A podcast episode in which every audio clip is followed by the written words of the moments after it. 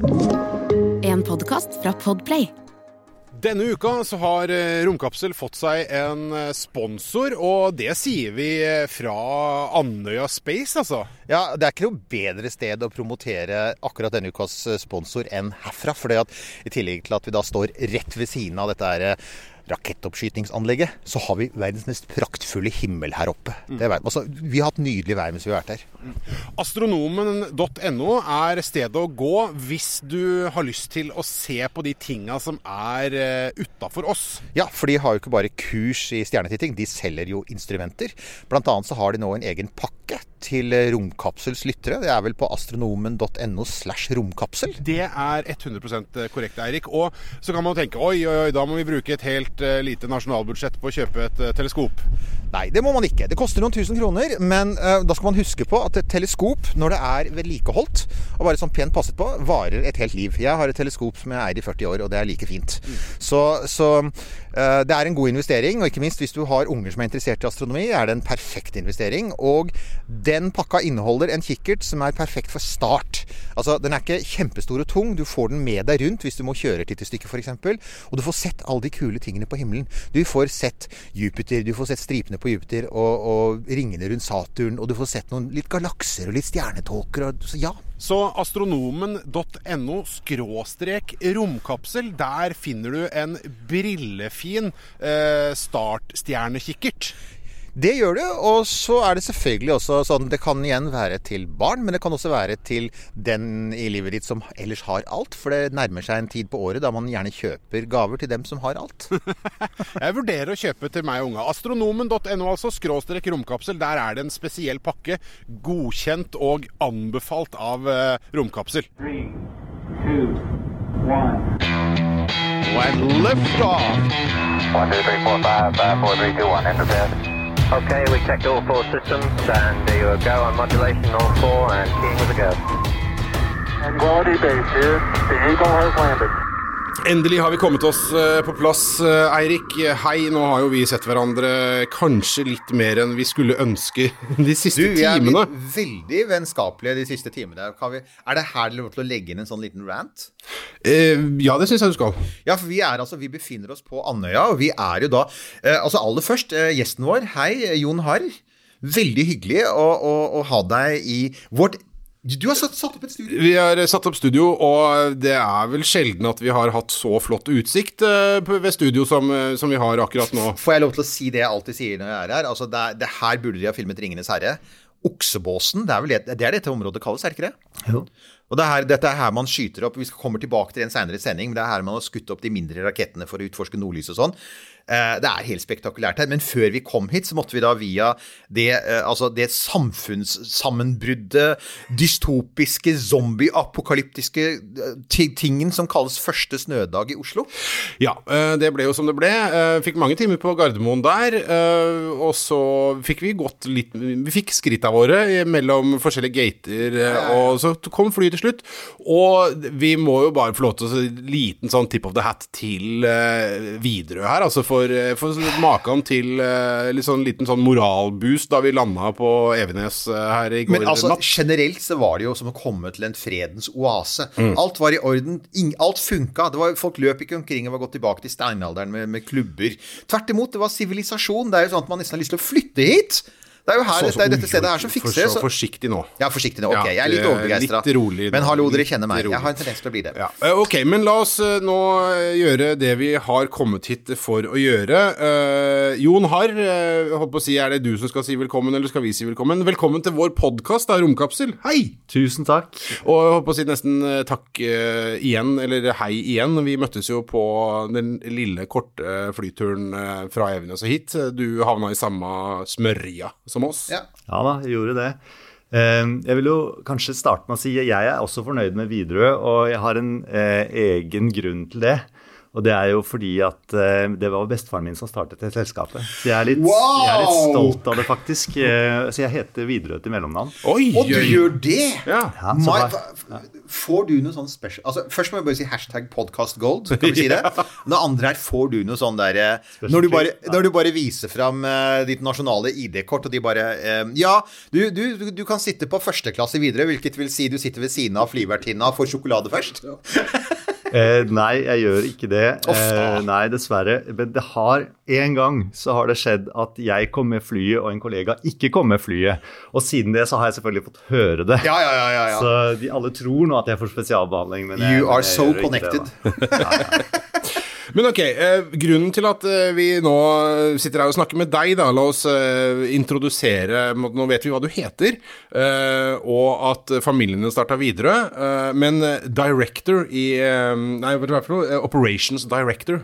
Det er det vi har fått presentert deg som, og det, det er tittelen din, ikke sant? Det stemmer? Ja, og og det, vi, altså det første vi da lurer på, og da spør vi på vegne av oss, men også på vegne av lytterne våre, er altså hva i alle dager gjør en operations director på eh, et romanlegg? Ja, det er et godt spørsmål. Um, altså, operations uh, på romanlegg handler jo om uh, å få skutt opp ting. Og en operations director er jo da en sjefsstilling, så kall det gjerne operasjonssjef, for oppskytning, eh, oppskytningsoperasjoner. Um, og det er klart, Hvis du sier 'operations' på engelsk, så, så kan jo dekke jo det ganske mye. Eh, Ethvert selskap har jo en eh, COO, ikke sant? Um, så, men det vi kaller 'operations' i Andøya Space, er litt annerledes eh, enn det som er 'operations' i enhver annen bedrift, som ofte kan oversettes med drift. Så vi skiller mellom drift og operasjon, og jeg er da leder for operasjon. Og, og operasjon, altså som skiller mellom drift og operasjon, altså hva er det da drift gjør, og hva er det da operasjon gjør? Altså hvor, hvor går, Ja. Hvis det er et skille, hvor går det skillet, da, for å si det sånn? Så eh, drift er jo da liksom 365 dager i året. Akkurat. Eh, sørge for at eh, ting får, blir vedlikeholdt, at bygninger blir, at, eh, blir vaska og at ting blir gjort.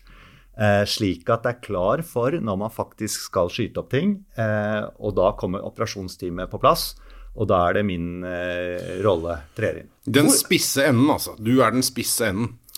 Eh, jeg er i hvert fall sjef for de som eh, utgjør den spisse enden. Ja, du, og det er jo et interessant spørsmål. Hvor mange er det du da er sjef for? Hvor mange er det som trengs for å drive sånn operations, da? For å få, for å få en rakett opp fra Andøya?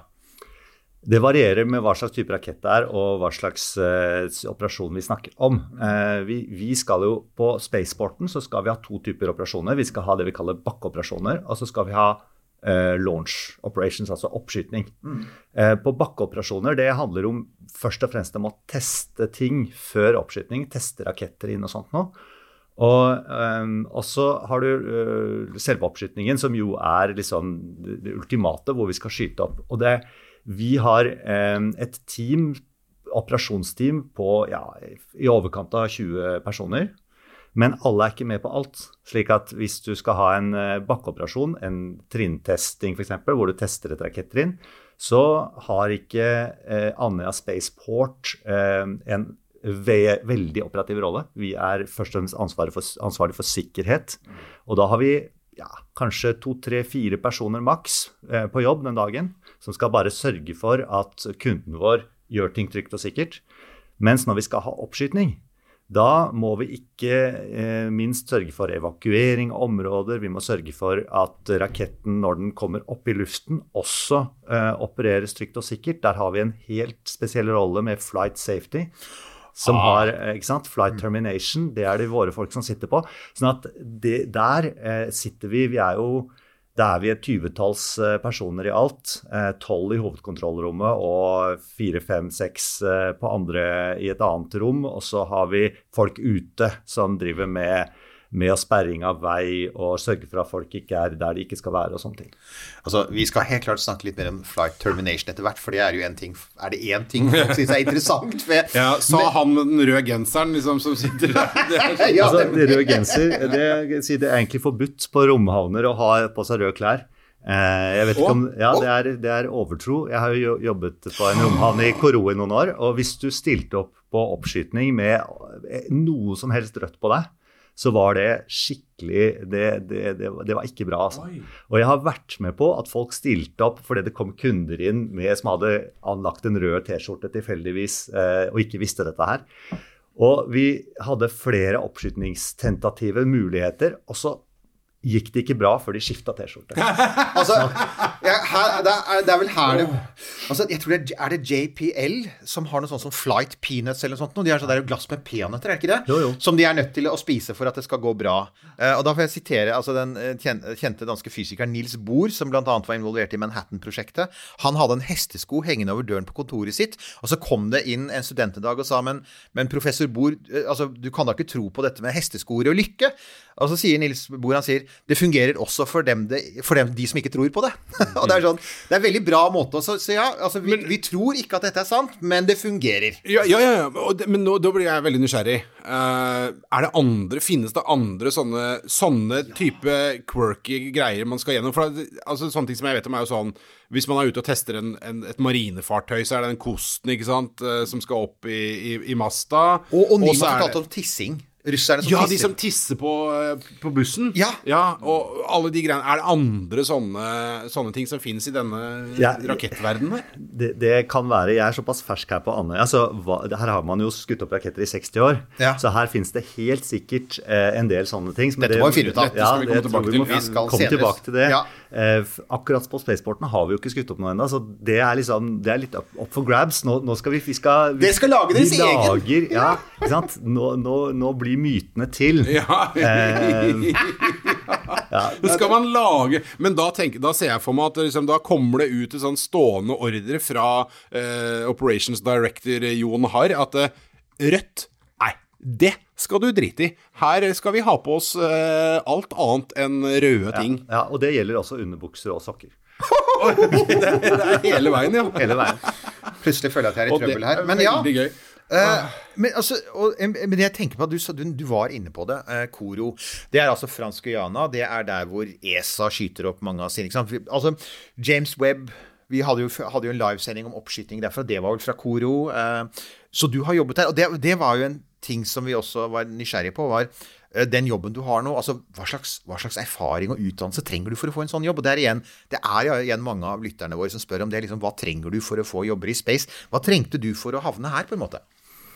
Det er et veldig godt spørsmål, fordi at min eh, karriere eller bakgrunn er litt sånn spesiell, i og med at jeg har jobba så mange år i utlandet. Så jeg har jo på en måte aldri utdanna meg til romfartsingeniør. Men det var det jeg ble.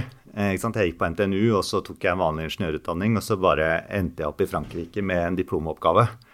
Eh, og så viste det seg at det var innenfor space. Og så, og så og så, og så ble jeg der eh, noen år og jobbet med det. Eh, og så endte jeg opp på den rombasen i Koro, eh, også litt tilfeldig. For det var jo litt mer sånn Ja, her har vi muligheten til å reise et spennende sted. Har familien lyst til å bli med? Ja, greit. Da drar vi dit, så ser vi hva som skjer. Sånn at ja, hva som skal til for å få en sånn jobb. Man må jo kunne lede folk. Eh, altså det er jo en jeg er jo først og fremst Nå er det en lederoppgave, og så hjelper det å ha kompetanse innenfor det fagområdet man skal jobbe med. Og operations er jo eh, altså det er operativt. sånn at hvis man har erfaring fra en eller annen operativ gren, det kan være fra Forsvaret eller det kan være fra petroleumsindustrien, eller altså noe som er der safety er viktig, og det er operative eh, ting som foregår, ja, så er det en god bakgrunn. Men det er klart det hjelper også å ha vært litt inne i space-domenet. Eh, vite hva en satellitt er og en rakett er og sånn. Eh, det, det hjelper. Det skal vi klare å få til. Eh, Hva er forskjellen på en rakett og en satellitt? Den er grei. Ja, jeg, tror- jeg tror Der kan vi si også at våre lyttere har den inne, altså. De, har, de aller aller fleste vil jeg påstå har koll på det. Ja, ja, ja. Det er et greit skille. Eh, men altså, så tenkte vi så Vi sitter jo her nå, eh, og vi, det vi alle går og venter på, er jo på et eller annet tidspunkt så kommer den første oppskytingen. Og vi vet at for øyeblikket så Hvis ikke du har noe Siden du allerede driver og er i sånn avsløringsmodus her, da. Du har ikke, du har ikke en dato til oss? Nei, dessverre. Det, Det er helt det greit. må nesten kunden vår få lov å komme med. ikke sant? Ja. Ja. men du, vi skal jo faktisk altså, vi skal jo være med på noen sånne presentasjonsrunder med ISAR Aerospace, som jo er kunden her. Og vi får jo håpe Altså, jeg håper veldig på at de benytter anledningen de nærmeste dagene, når ikke minst med tanken på at det blir kongelig besøk og sånn, at de benytter anledningen til å si OK, Nå er vi, nå er vi Ja. Jeg håper vi kan hanke tak i og Vi fikk litt sånn litt forhåpninger eh, på flyet opp her. Jeg snakka litt med Jon da, at, at det, kommer, eh, det kommer folk eh, høyt opp i systemet fra ISAR i løpet av de nærmeste dagene, kanskje spesielt i morgen, eh, som vi kanskje kan få hanka tak i. Og være Kanskje vi kan være litt sånn på gata Sånn nede i the Ja, grit uh, investigative reporting, blu, bli, bla. Ja. Romkapsel på jobb for norske romnerder. Du hørte det først her. Ja. Men altså, så vi vet, vi, vi har ikke noen konkret dato. Det er helt greit, for space is hard, og ting tar tid. Så dette her har vi Vi har sett dette skje talløse ganger. Uh, er, det her vi, er det her vi Jeg sitter jo med en huskeliste på veggen bak meg, hvor det er eh, Det står eh, Hva står det? Ja. Ja, der står det Werner von Braun og Elon Musk. Ja, Da var det og, og, og begge disse to kjernekarene de eh, slet også med sine forsinkelser. Litt, litt sånn forskjellige grunner, men dog. Så dette er, dette er normalt. Um, men den dagen det skjer, eller på det tidspunktet det skjer Og det er der jeg liksom tenker, hvordan er det eh, med, med, med dere i operations? F.eks. hvor lang tid i forveien må dere begynne å planlegge ting? Altså Jeg antar at ikke dere stiller opp på dagen, at dere får vel litt av forvarsel fra kunden om at nå er ting underveis, er det ikke det? Jo, absolutt. Så vi vil jo begynne med den trinntestinga jeg snakket om, hvor rakettrinnene skal ut på pad og testes hver for seg. Og det er jo en prosess siden det er første oppskytning som ISA gjør. Så det er en testoppskytning, ikke sant. Så skal jo de først teste disse trinnene på bakken før de prøver å skyte dem opp. Og det er jo en prosess som vil gå over mange uker. Sånn at vi vil, vi vil bruke den tida til å trene oss på selve oppskytingen. Men så er spørsmålet da hvordan forbereder du deg til trinntestinga? Ja, ikke sant? Ja, og det jobber vi med nå. For nå er vi jo, ikke sant? Vi er jo Ja, det begynner jo å nærme seg. Ja, ja. Vi skriver prosedyrer og trening. Vi har folk på trening eh, allerede nå nede i kontrollrommet. De begynner eh, om to uker. Eh, og, og sånn at eh, og, og eh, alt med safety-prosesser, altså hvordan dette her skal håndteres fra et sikkerhetsperspektiv, det jobber vi også veldig med. Så alt vi egentlig gjør på operasjonssida, siden vi starta prosjektet, har jo handlet om å forberede den første opprytningen. 1202. Men hei, du, når du, når du snakker om uh, at dere nå jobber dere med å liksom lage prosedyrer, eh, lage guidelines, eh, trene, drille på liksom eh, helt sånne nitty-gritty praktiske ting. Begynner man da med blanke ark, eller har du en gammel manual fra Koro som du liksom skriver om litt? Ehm, det er ikke så enkelt. Vi begynner ikke med blanke ark. Fordi det er mange her på huset som har mye erfaring. De har skutt opp sånne raketter i 60 år, og de har kjørt defense-operasjoner eh, i veldig mange år. Og det er folk som vi har fått inn i teamet. Så det vil jeg bare si det er all honnør til den erfaringen som sitter i veggene her sånn, og som vi bruker for alt det er verdt. Eh, I tillegg så kommer, er vi noen som kommer med erfaring utenfra. Og jeg, klart, jeg bruker den erfaringen jeg har fra Koro også, eh, men dette er jo en helt annen størrelse på raketten. Eh, vi er også over i en mer effektiv operasjon. Sant? Eh, ESA og KNES, som jeg jobbet for, franske romsenteret, de har også gjort dette lenge, men de har på en måte bygget opp sin metodikk og kompetanse fra en sånn 'failure is not an option'-tankegang. Mens nå er det jo er det- nå er det- nå er det nå er det fail- butikk, butikk, nå er det liksom. fail fast, og Ja. det er butikk. Ja. Så vi er i det vi kaller new space-paradigme. ikke sant? Og der er det om å gjøre å Vi skal ikke fire på safety. Safety er det aller viktigste. Men utenom det så har vi lov å gjøre ting litt raskere, dokumentere litt mindre. Eh, så så eh, vi prøver å bruke det som er bra å ta med seg. Men vi prøver å finne opp eh, en del nytt der vi trenger å gjøre det. Ja, for, altså, og det, som du sier, dette er jo litt større raketter. For du, du sa jo så rolig at vi skal drive med trinntesting. Jeg har bare dobbeltsjekket her. Denne Spektrum-raketten, ikke sant? det er den som skal skytes opp herfra. Altså, den er, den, den er Ok, det er ikke noen Falcon 9, men den er altså 28 meter høy. Ja, den er to meter i diameter. Så det er en tietasjes bygning, dette her. Så når du sier trinntesting, så er jo da du tar første og andre trinnet separat, var det det du sa? Det er fremdeles det er fremdeles en sånn sju-åtte etasjer på første trinnet. Skal du, altså, det er en sånn ting jeg lurer på. Skal dere teste det vertikalt? Skal den liksom stables opp, eller skal den ligge, eller åssen gjør man det? Det må vel stå, må den ja, ikke så det er jo kunden vår ISAR som gjennomfører testingen, Ja. og som er ansvarlig for den. Og vi, vi på en måte passer på at dette skjer trygt og sikkert eh, ut, utenfor. Eh, men det er klart at vi er nødt til å vite hvordan det skal skje, og vi er nødt til å følge med på det. Eh, og da vil jo førstetrinnet eh, trilles ut på rampen, settes opp på rampen og testes der. Andre trinnet skal eh, ut separat, ut på rampen den også, på en egen sånn teststand, som dere kommer til å se i morgen. Å, det var det du, Ja. du sier det. det, Det, det, det, du begynte der, så jeg jeg gleder meg til å se det greiene. Ja, ja, ja, ja. Som, som står litt på sida, da. Men er, begge deler er ute på rampen. Ja, og, og, og som du også sier, det er jo noe her Jeg vet jo at eh, ISAR har testet motorene sine mange ganger i Kiruna. Men er, er, tar jeg feil, eller er det første gang altså når det dere skal være med på, det er første gang at de gjør full trinntesting? Jeg, jeg har ikke sett noe sted at de har satt opp noe trinn før. Så dette her er jo virkelig dette her er jo pionerarbeid, da. Det er jo det, for det er jo ikke bare at det blir første gang oppskyting til bane fra europeisk jord og den første plattformen av den type noensinne i Norge, men det er en, det er en ny rakett som skal inn i det globale smallsat-markedet. Det, det er jo gøy, da. Men som du sier, det er jo den biten her med at Uh, og det, det kan vi like gjerne sånn understreke. Dette er en test. Og det er jo veldig godt å høre at dere sier at vi er i smallsat-segmentet, eller i New Space-segmentet, fordi der, der aksepterer man. ikke sant? Du veit at det kan gå galt, så det blir ikke sånn kjempenederlag. Ok, det var, det var trist, men dette lærer vi av å gå videre, liksom. Men, ja. men hvilke konsekvenser får det da for, eh, for Andøya Space, og for deg og for ditt team, og for, uh, for uh, La oss bruke det ordet butikken her, da. Hvis nå Skal vi banke i bordet, eller jeg vet ikke hvordan, nå er jeg litt usikker på det overtok. Jeg Men altså, føler et trang til å gå ut og tisse på et hjul. Ja, det, er, det er bare ja, det meg. men hvis det rudder, hvis den første testen, hvis det rudder, hvilke konsekvenser får det for, for dere?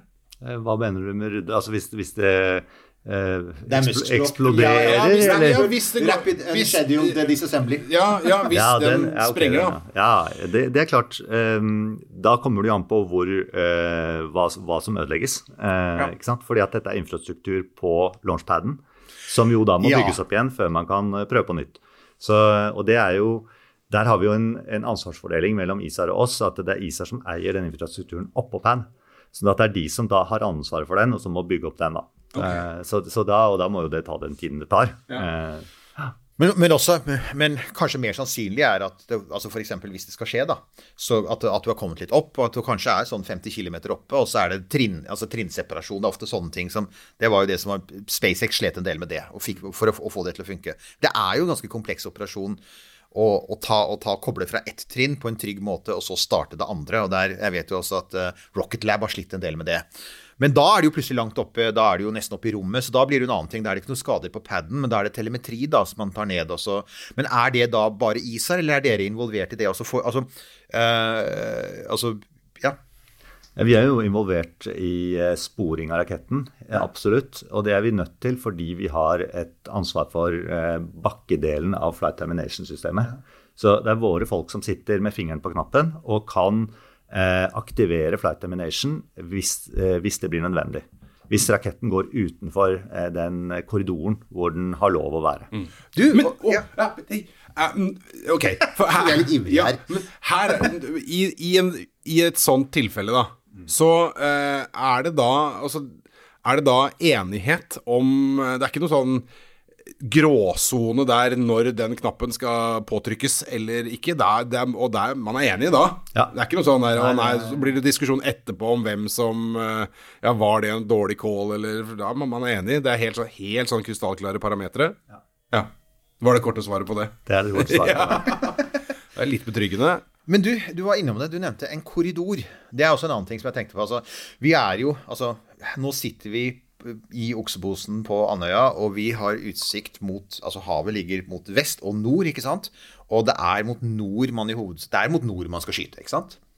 Det blir det. altså. Nord-nordvest. Ja. Nord, ja, nord-nordvest. Ja, for det er en interessant ting. Når raketten skytes opp, vil den da liksom sånn gå rett nordover, eller vil den gjøre en sånn liten sving vestover og så dra nordover for å unngå bebodde områder, eller åssen er det? Vet dere noe om det? Altså, dere har jo disse korridorene. Er det dere som har ansvar for de korridorene? Altså, ja, men, og vi kaller det korridor akkurat når du har én oppskytning, fordi da, da er det litt på en måte grenser rundt den nominelle banen som du ikke skal gå utenfor, og da blir det en korridor. Ja, for den vil variere litt, den, ikke sant? Altså, det, er ikke, det er ikke fast, det kommer litt an på den type bane på og kunde og sånn. ja, hvilken retning du skyter i. Ja. Og så har du egentlig det vi snakker om, er sektorer eh, ikke sant? når det gjelder å, å, å, ja, opp, sky, oppskytningsretning. Da. Og der vil jo, eh, det vil jo variere med hva kunden ønsker. Eh, og det, det er slik at de oppskytingene vi skal gjøre herfra Vi har vel et eh, en, en, sektor som, som vi får tillatelse fra, fra, myndighetene til å bruke. Og den er, går vel fra pluss 5 til minus 60 grader eller noe sånt nå. Så da har vi eh, mulighet til å, å skyte opp eh, nordover, eh, eller nordvestover, da. Første oppskyting vil gå nordvestover. Akkurat. Ja, for det, jeg tenkte på, var akkurat dette med sånn som vi også må snakke litt om dette med hvor det er best å se den fra. Men da antar jeg, siden i dag nord-nordvest, så altså det, det, vil jo da du vil jo få med deg mest av oppskytingen hvis du er på Andøya og ser, ikke sant, og ser mot vest. ikke sant? Fordi at Hvis du er sørover, hvis du er i Vesterålen, så vil du se den forsvinne. ikke sant? Mens her vil du da, da vil du kunne se rett ut på den. Ja. Ja, nei, absolutt. Så overalt på Andøya er det fint å være. Ja. Ikke for nær eh, oppskytningsrampen. Ja, for, at, for at dette var det som liksom med sikkerhetssoner. Ja. For det er det du alltid hører når sånn Cape Canaveral ikke sant? Å nei, vi har fått en scrub fordi det kom en sånn der eh, Det, det kom en tunfisk-turistbåt inn i sonen, ikke sant. Men hvordan Altså, dere må jo Dere har jo også en sikkerhetssone, antar jeg. Altså at innenfor et visst område så er det ikke tillatt med fly Eller så er det fly, flytrafikk, båttrafikk, kjøring. Åssen er det med det? Altså? Ja, vi klarerer områdene, som vi sier. Eh, og det betyr at det eh, vi beskjed eh, slik at Avinor setter opp eh, no fly-områder eh, og, og, sender ut sånn notam og sånt noe. Um, notation to, uh, notice to airman. Og det er så kult. Ja. Det er det vi går og venter notation på. To. No, uh, notice to airman. Uh. Og det, det, det, er jo det, er det alle går og venter på nå nede i Boca Chica, er jo den første, den første notamen for den neste testen. Og At det skal komme notams på eh, Det er så ja, ja, Men det gjør du allerede. Det gjør du jo, for det, for, var det jeg tenkte å si. Ja, ja, nemlig for at når det er oppskytninger fra oksebåsen med, med opp til suborbital, som vi skal uh, ha i en seinere sending um, så dere har jo lang erfaring med dette? Ja, ja. Klarering. Så vi klarerer luft, vi klarerer hav, og vi klarerer land. Eh, og, og, det har vi lang erfaring med. Så det, ikke sant eh, Be, eh, på, på, I lufta så er det som jeg sa, ved hjelp av Avinor, og så har vi på, på, på, havet så har vi selvfølgelig Kystverket og sjøtrafikksentralene osv. Som, som hjelper oss. Og så har vi egne sensorer, så vi bruker liksom AIS og maritim radar og sånt for å se fartøy. Også på land så, så, er vi avhengig av eh, kameraer og, og, selvfølgelig da folk som er ute og passer på å sperre vei, stenger veier og sørge for at det ikke er folk i terreng og sånn. Mm. Ja, det er folk i terrenget. Går man manngard liksom, for å sjekke at uh, Man kan jo ikke gjøre det uh, hver gang? Eh, nei, så vi, vi holder liksom på For det, det, det, kommer an på hvor stort område rundt pad du faktisk skal klarere. Eh, og hvordan, kan, hvordan, det ser ut sånn rent terrengmessig. men det er klart, jo til en viss grad så blir det manngard. Det blir i hvert fall sånn at vi kommer til å sette ut uh, Vi kaller det rangers. Som skal ut og så passe Space på Rangers! Ja. Alle har Space Rangers! og passe på, passe på at uh, ikke det er folk der uh, når det ikke skal være folk der. Ok, så, for Jeg kan jo se for meg at hvis, hvis det ville bli sånn at kanskje Hvis det er noen som er interessert i litt ekstra sikt, da, på kanskje en litt annen vinkel, eller noe, så er det litt sånn gillisuits og sånn som ligger i, i terrenget og prøver å se, og det er jo greit å ja, Det anbefaler vi absolutt ikke. Eh, hvis en, en, person blir oppdaget innenfor sikkerhetssonen, så betyr det at vi ikke kan skyte opp. Så Det får veldig store konsekvenser. Eh, og det er, det er, så det er virkelig det er, det er farlig. Eh, og det får store konsekvenser. Det er dumt, det er kostbart. altså Det er mange ting Og det fins veldig mange kule steder å se oppskytninger fra som ikke er eh, innenfor sikkerhetssonen. Ja, og det, det, er en sånn ting som uh, har, det, um, altså, har dere begynt å tenke litt på det, hvor dere vil anbefale folk å, å stille seg opp? da, For det, vil jo komme altså En ting er at det var lokalbefolkningen, men vi har jo, det vet jo du som har vært på Koro og sånn også, at det finnes jo sånn internasjonalt, internasjonalt miljø av romnerder som er villige til å reise. Dette her blir jo den nyeste paden, ikke sant? altså så, bare det i seg selv vil jo ha en, en, en viss sånn turisteffekt, da. Det vil jo det. Så, så vil, det, vil, dere da i sånn forkant si til folk at liksom dette er områder dere må holde dere unna, men her f.eks. kan det være smart å stå hvis du har lyst til å se og ta bilder. Ja, det tror jeg vi kommer til å gjøre. Nei, nei, vi har liksom ikke landet det helt ennå. Eh, akkurat hvor vi kommer til å anbefale folk å være. Men, men, men, ja, jeg tror absolutt vi kommer til å gjøre det. Vi har, vi har snakket en del om det allerede. Ja, og så er det, er det også dere som har dette med, altså, eh, med klarering av, av, av, fly og båter og sånn. Men er det også sånn at um, dere har litt erfaring med dette med altså, hvordan været vil påvirke dette? Altså, jeg antar at dere skyter, altså, dere skyter jo ikke opp i all slags vei. Dere er ikke helt Russland ennå med sånn fyrstikker skyte opp i snøstorm-greie? Nei. Så vær er veldig, en veldig viktig parameter, og vær er viktig for raketten. Den, den tåler ikke for mye vind, f.eks., eh, selv om den tåler ganske mye. Eh, og det er viktig for alle de operasjonene som skal skje før oppskytingen, altså på pad. Det er begrenset hvor mye sjøsprøyt du skal ha innover paden før det blir uh, vanskelig å jobbe der. Ja, For den ligger helt nede i havkanten, gjør den ikke det? Jo, Den paden? Eller veldig ganske nær, ja. Ja, ja. Og så er det viktig for eh, sikkerhet. For når raketten kommer opp i luften, så kan det skje ting. Og hvis det skjer en eksplosjon, så vil vi ikke at det skal blåse vrakdeler ned der hvor det er folk. Så det er, eh, vær er kjempeviktig. Så dere kommer til å ha noen sånne parametere når det gjelder sånn, sånn vær, nedbør, skydekke, vindretning, en del sånne ting som dere da sier, og som, som vil da Ja, det er først og fremst vind som er viktig, da. Men det er klart, eh, hvis det er risiko for lynnedslag f.eks., så vil vi prøve å unngå å skyte opp. er, sånn, Straks, Nils Ja, ja, ja. for jeg kom til å tenke på det, Vi kom jo hit med fly, og i går var vi på de-icing. Fremdeles litt traumatisert.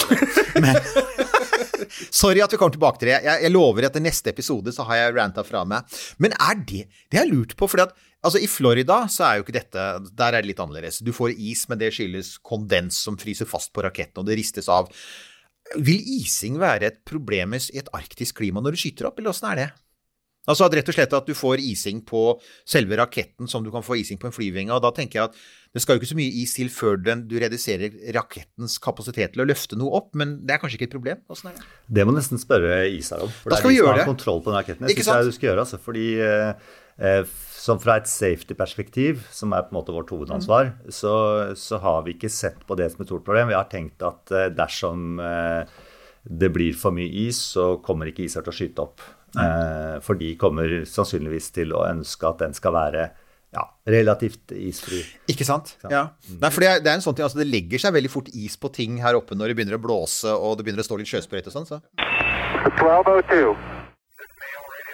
Men altså, en ting som, som, eh, som slo meg her nå, er jo det at eh, når du sitter og eh, liksom har og jobber med det nå, og lager prosedyrer og finner ut hvordan dette faktisk skal gjøres, så er det et eller annet med den der tanken om at man skal tenke på alt, og at det ikke er et tema å komme på et eller annet tidspunkt og si «Ah, ja, det tenkte vi ikke på. Eh, Den prosessen der syns jeg er ganske fascinerende. For hvordan klarer man å tenke på de tinga som man ikke klarer å tenke på? Ja, De man, klarer man jo ikke å tenke på. Altså, vi gjør så godt vi kan da, for å på en måte prøve å Men det, er, det se må for være en eller annen metodikk eh, forskjellige scenarioer. Ja da, det er metodikk, og det kalles jo risiko, risikoanalyse. Eh, og der er det jo mye metodikk, og vi har, vært, vi har gjort flere eh, risikoanalyser, og det gjøres hele tiden, og på, både på bakke og på luft, eh, spesielt relatert til sikkerhet, safety, så har vi jo egne folk som er analytikere, og som, som eh, sammen med kunden, sammen med ISAR, jobber eh, jeg vil si eh, veldig hardt med å få på plass eh, de riktige risikoanalysene, og så lage planer for hvordan vi skal løse det. Og så vil, når vi, de planene er på plass, så kan man lage prosedyrene. Så? Nå er vi, vi er der at vi er på prosedyrestadiet. Eh, planer er, foreligger i hvert fall i utkastform og er i ferd med på en måte å, å eh, ferdigstilles. da. For det blir jo, altså, jeg, jeg, jeg gjetter på at dere da også har hele tiden sånn i bakhodet der, altså bakteppet her er at igjen, dette er Er det, er det verdens nordligste oppskytingsplattform, eller ligger russerne lenger nord? Men det er veldig, altså, og det er, grunnen til at jeg sier det, er at veldig mye ligger jo i subtropisk eller tropisk klima, og der er det annerledes forhold. Og det behøver ikke å være negativt, men det betyr jo at det er, at det er en del forhold som er litt sånn grunnleggende annerledes her oppe. Og det vet jo Det gjelder annet når du skal fly her, så blir det jo Ja. Men du også, altså, hallo. eh, disse gummiringene som førte til ja, eh, enorme katastrofer, katastrofe. Ikke sant? Altså, det, er, det er jo Ja. mange, det er mange ting der som ikke, ikke, sant, som ikke er overførbare fra Goro og hit. Men da er det jo Altså, av smart. Men. ISAR har jo da testet i Kiruna sikkert av en grunn. Altså, for da har de Der er jo- der, har du, der er det kaldt. Så det, de har nok eh, for, at, for igjen, det er jo en del sånne måter metall og elektronikk og sånn oppfører seg på under ekstremt Det var igjen, prøv å Så, fyre opp et kamera. så blir det sjelden liksom. ekstrem kulde på Andøya. Det er jo, eh, Ja, det er det er jo kystklima, så vi er, sånn sett er vi egentlig ganske godt Ja. eh, stilt her oppe. Så du slipper det, ja. Ja. det er bra. Men, men godt eh, tilrettelagt for rust. Vil jeg tro. Ja, men det, eh, er, det er enda verre nede i tropisk klima. I, Å ja, ja, ja. ja. Det er klart, De har kanskje ikke salt sjøvann opp på installasjonene, da. Nei, det var jo være med det. Så, Men, eh, ja, jo, jo. Det, det, Her, er, alt er galvanisert uh, her, så det er man jo på en måte vant til i Norge, da. Og så bygge ting som tåler eh, klimaet. Så, så på den måten så, så er jo alt tilrettelagt for Jeg at det tenker skal at på en norske, altså det, det, det som skal leveres fra norsk side, regner jeg med at man kan. Er det ikke også lokale entreprenører her som stort sett står Så de, de har vel bygd eh, De har bygd en vinternatt. de har bygd, de har bygd en vinternatt før, de. Men det, men det er jo da også litt sånn artig, fordi i en eller annen prosess så ser jeg for meg at eh, kanskje dere allerede har det. eh, kommet eh, borti eh, noen som overhodet ikke er eh, vant til eh, et eh, vinterklima. Eh, ja, altså det, det, det har vi jo. Vi har jo ansett jo folk som har jobbet eh, andre steder i Europa f.eks., og ikke er vant til å jobbe her oppe. Og ISAR ko- kommer jo med, med en del folk som også er fra sydligere breddegrader. Så ja, det er, det, er en, det er en sak, det. Og folk eh, må jo lære seg til at ja, når vinteren kommer, så må man eh, drive med snørydding. Og vi må kanskje ha brodder når vi skal ut og gå. Og ikke sant. Det er jo Det er ikke alle som kan gå på isen heller. Så, så yrkesskadene kan fort komme hvis man Og der kom den! Ja, fader, det hadde vi ikke tenkt på. Nei. Det er den Der var den. Det var Det er sånn, kjøp rikelig med brodder. Men vi er ganske flinke til å fortelle de at ja. tenk på når vinteren kommer. Og når de har jo hatt eh, allerede et par år her for på en måte å, å se hvordan ting eh, utvikler seg når sesongene endrer seg. Altså. så. Men det er jo en sånn ting som og det er, det er, jo- Dette er jo et spørsmål vi har stilt flere ganger tidligere og egentlig ikke fått noe sånn Vet dere nå altså, hvordan, hvordan ankommer trinnene hit? Jeg antar at dere nå veit det. Altså, hva, hvordan skjer transporten opp hit? Så det er jo Isar som kjører de med lastebil. Det var det! Ja, også, de gjør det, ja. Det var det, og så fint. Ja, så det det betyr, er at altså, eh, Ola og Karin, når de da kjører av gårde til, ungene, altså til barnehagen med ungene, så plutselig så kommer det en, eh, et digert rakettrinn rullende forbi. Ja, Førstetrinnet blir digert. Det er jo nesten 20 meter langt. Ikke sant? Eh, Eller 20 meter langt, så det blir en stor transport. Og så er det klart, andretrinnet og fairing kommer nok til å transporteres hver for seg, og da kan de gå inn i vanlige sånne shippingcontainere. da. Ja, for at diameteren er altså to meter, så det er ikke, det er ikke så mye bredden som det rett og slett På førstetrinnet så er det rett og slett lengden. Det er lengden. Ja. Men da, men da får vi det scenarioet som du snakka om, at når du kjører forbi Groruddalen da, så blir du tagga ned. Ja, ja, ja, ja. Men det du også får, og det er jo interessant, da, for det, du ser det, det er jo skrekkelig populært i USA, når Falcon 9-trinn fraktes fra California til Florida, så har du jo folk er jo på Altså, de er jo hele tiden på TikTok, hvor vi er nå. Eh, de er Nei, du Jeg er ok, da. Jeg er. Det er bare å melde seg på. Jeg har begynt å legge ut på TikTok. Ok, jeg er, jeg er blitt influenser. Spacefluencer. Men Vixen Awards, yeah, uh, yeah. men det er, altså, det jeg tenker er at det er jo, blir også en kul ting, da, for at da vil jo det vil jo ta, altså det vil jo ta noen dager. å komme, altså du kjører da opp via Tyskland, over Øresundsbrua, Sverige, og så opp ja, E6-en, da. Nei, jeg tror nok de kjører via Sverige. Jeg tror det er bedre veier og sånn. Men det, det må du spørre de om, altså. men, eh, høres ut som en smart ting. Ja. Da, er det, da er det de som får det, da. De, de fikk ikke, de fikk ikke ISAR-base på Kiruna, men de får gleden av å fotografere. Se, se herlighetene kjøre forbi, og så forsvinne over grensa til Norge. Ja. Det blir be bebroderlige greier. Ja, men det er bra. Så da, da har vi avklart det. Og, og så er det jo, så skal det jo Den, den, den, altså den brenner eh, propan, er det? Pro, pro, pro, propan og oksygen. Det skal også, men det kan jo fraktes i vanlige tankbiler, ikke sant? Så det blir rett og slett som en sånn vanlig brennstofftransport og, og gasstransport. ja. Ja. Og igjen så vil man vite det, og så blir det lastet over i Da er det vel Jeg antar at det er tanker på anlegget deres også. Ja. Det er det er det der. Men jeg har lyst til Det å være som en del av noe som er så annerledes Hvordan er det? Så jeg har jobbet med space hele livet, så for meg er ikke dette så veldig mye annerledes enn de andre tingene jeg har gjort. Um, og jeg begynte egentlig, Vi begynte jo dette forprosjektet for uh, Spaceporten i 2018. og Da jobbet jeg i Norsk Romsenter eh, og var med på det, eller å starte opp det. Så eh, jeg opplever ikke dette som noe spesielt annerledes. Men det er klart, eh, i sosiale sammenhenger så Ja, hender det at ja, ja. folk uh, syns at jeg har en eh, annerledes og kanskje spennende jobb, da. Men det er, det er mye hverdag for oss òg. Jo, jo, det er klart. Det, det, altså, det blir papirer, og det blir liksom eh, lange møter og de tingene der. Men, men, men det er det der du sier Den oppmerksomheten utenfra er jo helt annerledes enn om du skulle da vært en vanlig ingeniør.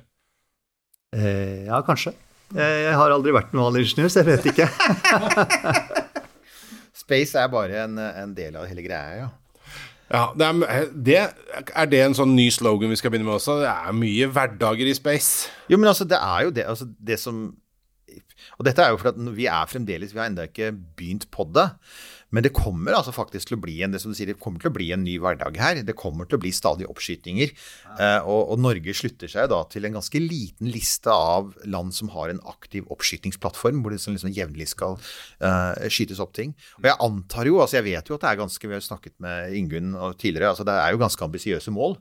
Uh, og du var vel inne på det, at det er, det er, jo en kø altså Det er jo ikke mangel på folk som er interessert i å bruke dette anlegget, er det vel? Nei, det, er, det, viser seg det at, eh, at eh, prognosene som, som, var fra noen år tilbake, eller startet noen år tilbake med at her er det et stort uh, marked for oppskyting, altså satellittkunder som rett og slett uh, ønsker å få skutt opp små satellitter, uh, at det er økende, og eksponentielt økende, det viser seg å slå til. Sånn at nå står satellitten i kø for å få lov å få en oppskytning. og i de som nå er i prosjektfasen, og som ferdigstilles om to, tre, fire år, er også, der er det også mange. Det er én ting jeg tenker litt på. Altså, de, altså ISAR er kunden her, og så er det, så er det dere eh, i Spaceport. Men er, er, ESA involvert på noe plan her? Altså eh, Nei, ESA er ikke involvert i vårt prosjekt med utbygging av spaceporten. Eh, Andøya Space eh, har jo litt finansiering eh, gjennom ESA for sånne rakettoppskytninger.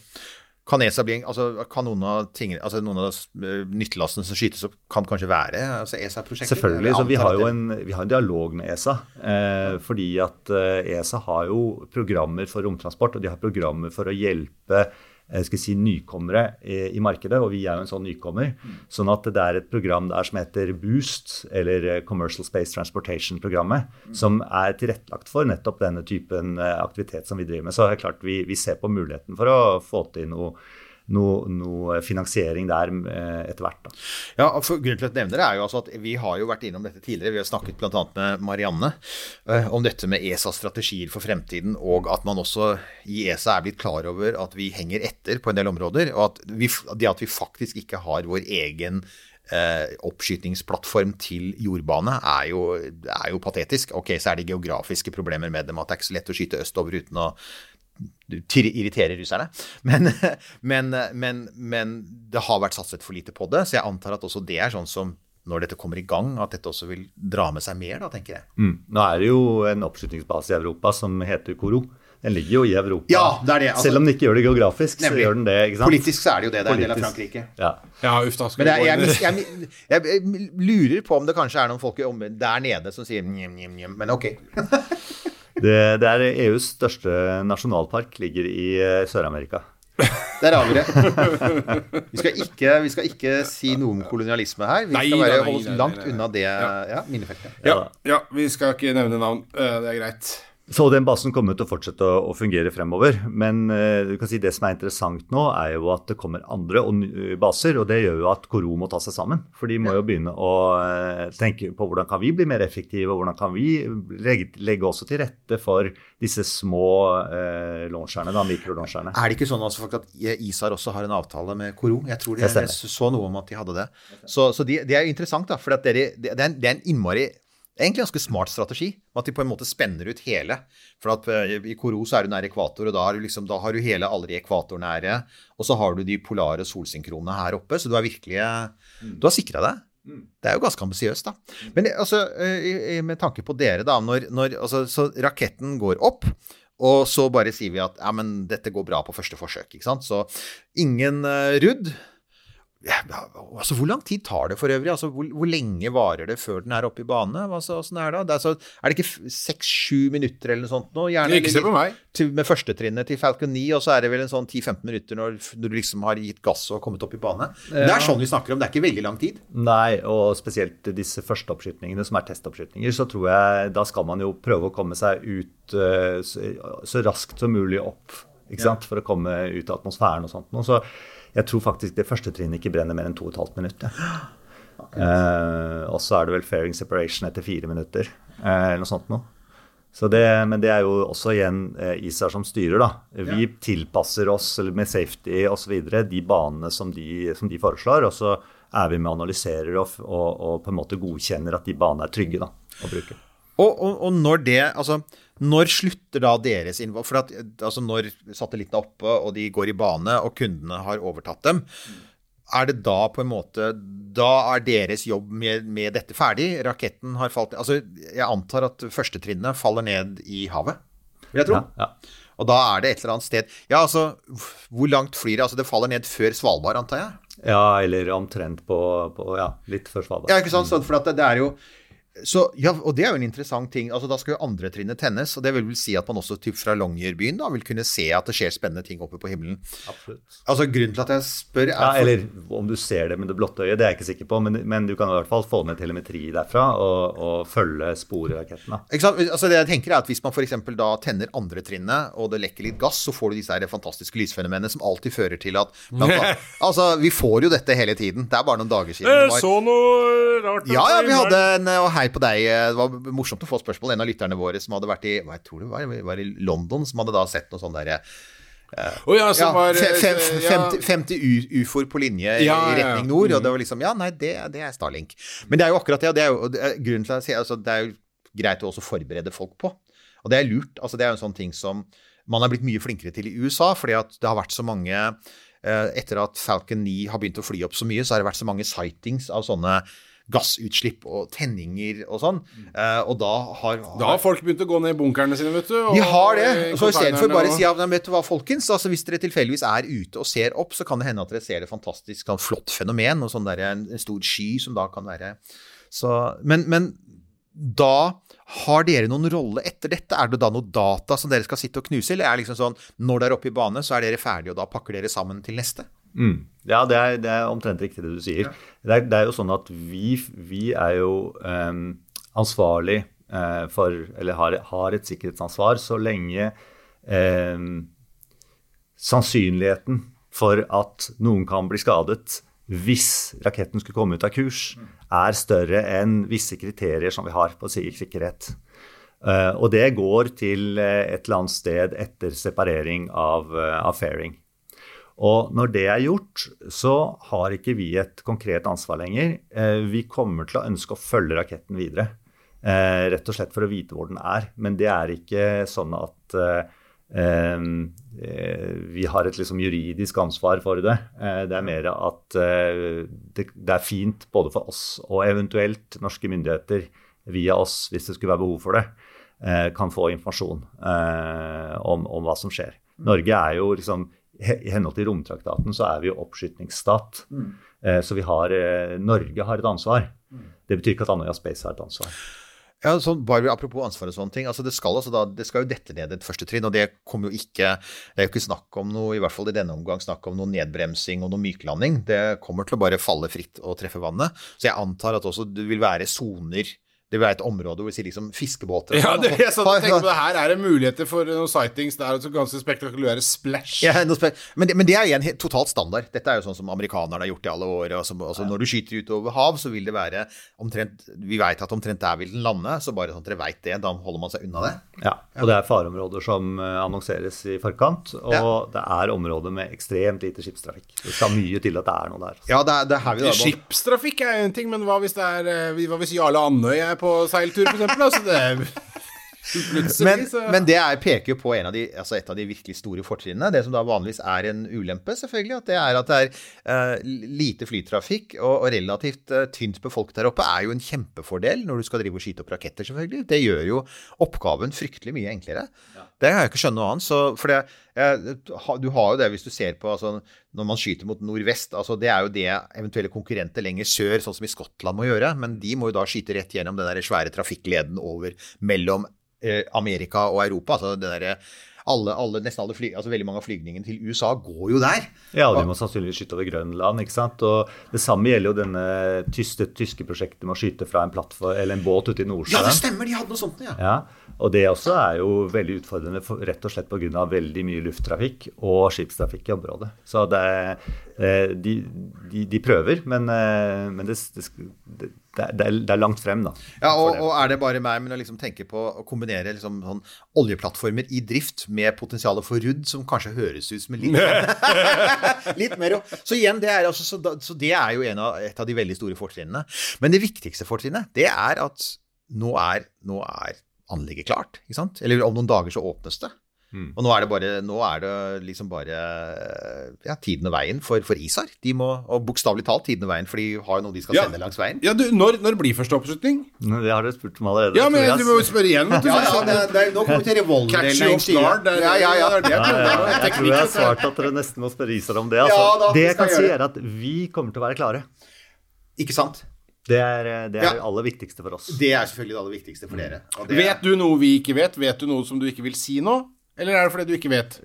Det jeg, ja, selvfølgelig gjør jeg det. Altså, vi, har jo, vi, vi jobber jo med sant, eh, datoer eh, for, som, som forsøksvis i forhold til når vi skal starte med trinntesting og når vi kan begynne med oppskyting. Men jeg kan ikke si de eh, på lufta enda. Nei. Men vi vil eh. Men, men, når, men når det skjer, så vil vi veldig gjerne stå veldig langt foran i den køen. For dette her er jo et av de vanligste spørsmålene vi får også. her, Og så har jo ISA sagt at de kommer til å annonsere det veldig snart. Så kanskje innen dette går på lufta, så er det offisielt. Kutt ut det. Å, du! Hysj! Nå slutter vi. Det var tidenes cliffhanger. Ja. Eh, Jon, Da, da, da. eh, takk for besøket. Takk for at vi fikk komme. Eh, velkommen, og eh, vi ses igjen. Skulle du si noe? Skulle du ødelegge cliffhangeren nå? Nei, nei, altså det er en cliffhanger. Jeg vil bare si tusen takk til alle dere som har støttet oss via diverse kanaler. Fordi Ja. en av grunnene til at vi er her, er faktisk eh, dere som har kjøpt merch og støttet oss på VIP, eh, Vips uh, og Halvorsen romkapsel, eller hva det nå heter. Er det ikke det? Ja, Nyte Halvorsen romkapsel. Ja. Ja. Romkapselen ut av- Ja, Uh, og, og det er altså tusen takk til dere. Og, og selvfølgelig også tusen takk til, til, til dere i Andøya Space, som jo har- har sponset flybillettene våre. Altså, det er, det er noe sånn vi drifter. Det kan vi, altså Sånn full disclosure. ja, ja, ja, vi får være åpne og ærlige Men på det det. betyr ikke at vi er noen pusekatter. Vi kommer til å stille de harde spørsmål. Legg Dere har hørt det. Vi stilte spørsmål to ganger. Vi tar, vi tar, vi tar ingen fanger her, altså. Ok, takk for nå. Du har hørt en podkast fra Podplay. En enklere måte å høre podkast på. Last ned appen Podplay, eller se podplay.no.